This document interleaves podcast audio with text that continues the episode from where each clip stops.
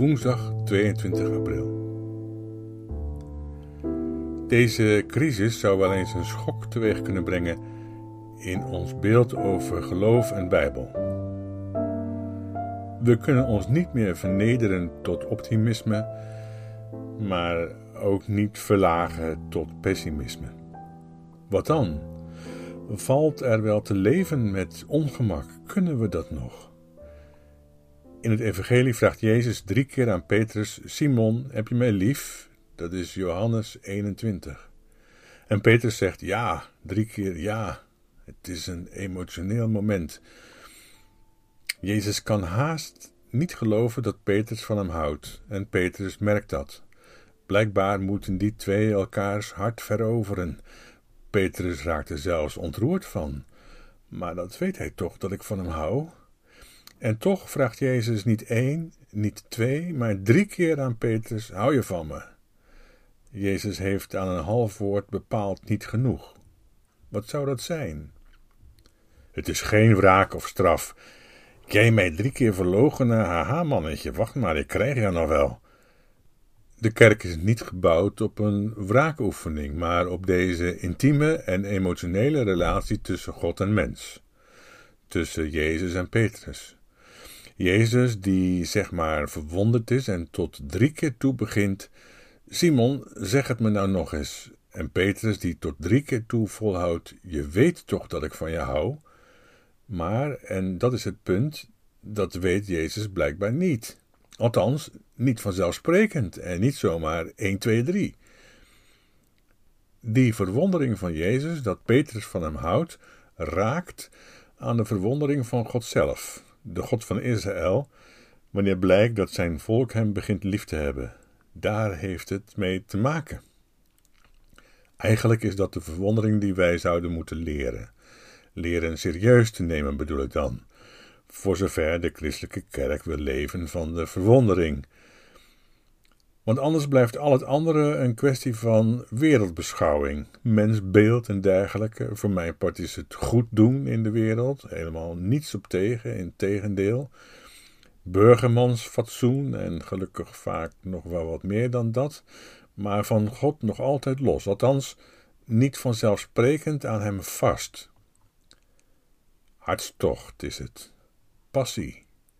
Het is iets wat de wereld tegenwoordig keihard soft noemt, maar zo en via deze hartstocht wordt Simon tot Petrus, rots.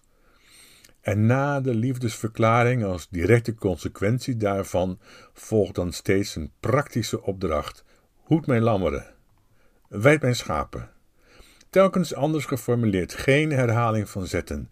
Het is dus niet zo dat de wijze van hoeden en de intensiteit daarvan de bedoelde liefde teweeg zouden moeten brengen. Nee, het is juist omgekeerd.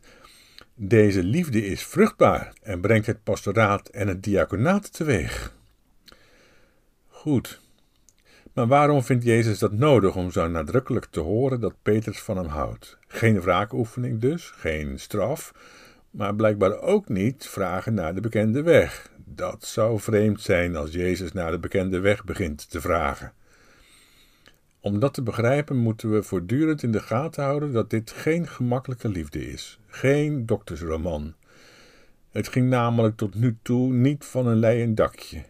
Goede Vrijdag ligt bij allebei nog veel te vers in het geheugen en dat brengt nu iets ongemakkelijks met zich mee. Maar dat hoort er blijkbaar bij in het Evangelie.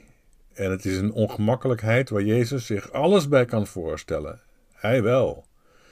Maar wij, wij leefden tot nu toe in een cultuur waarin we zo weinig mogelijk last wilden hebben en zo min mogelijk ongemak. Wij vinden zelfs de belofte van Jezus dat zijn juk zacht is en zijn last licht al niet zo aantrekkelijk meer.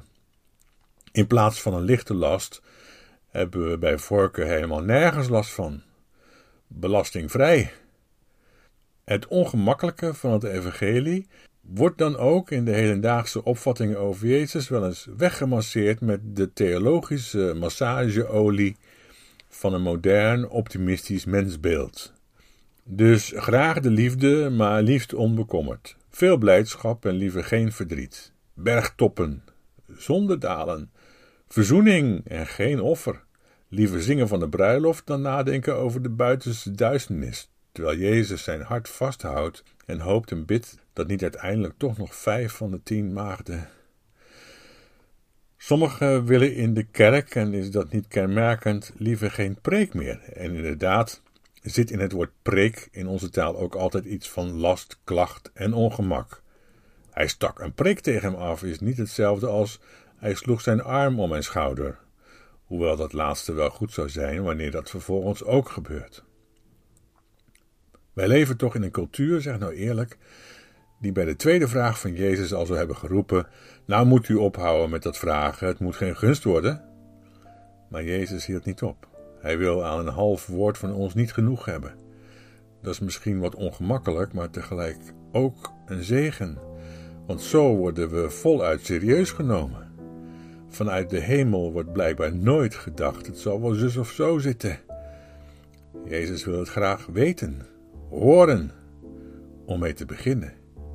Telkens opnieuw, dagelijks.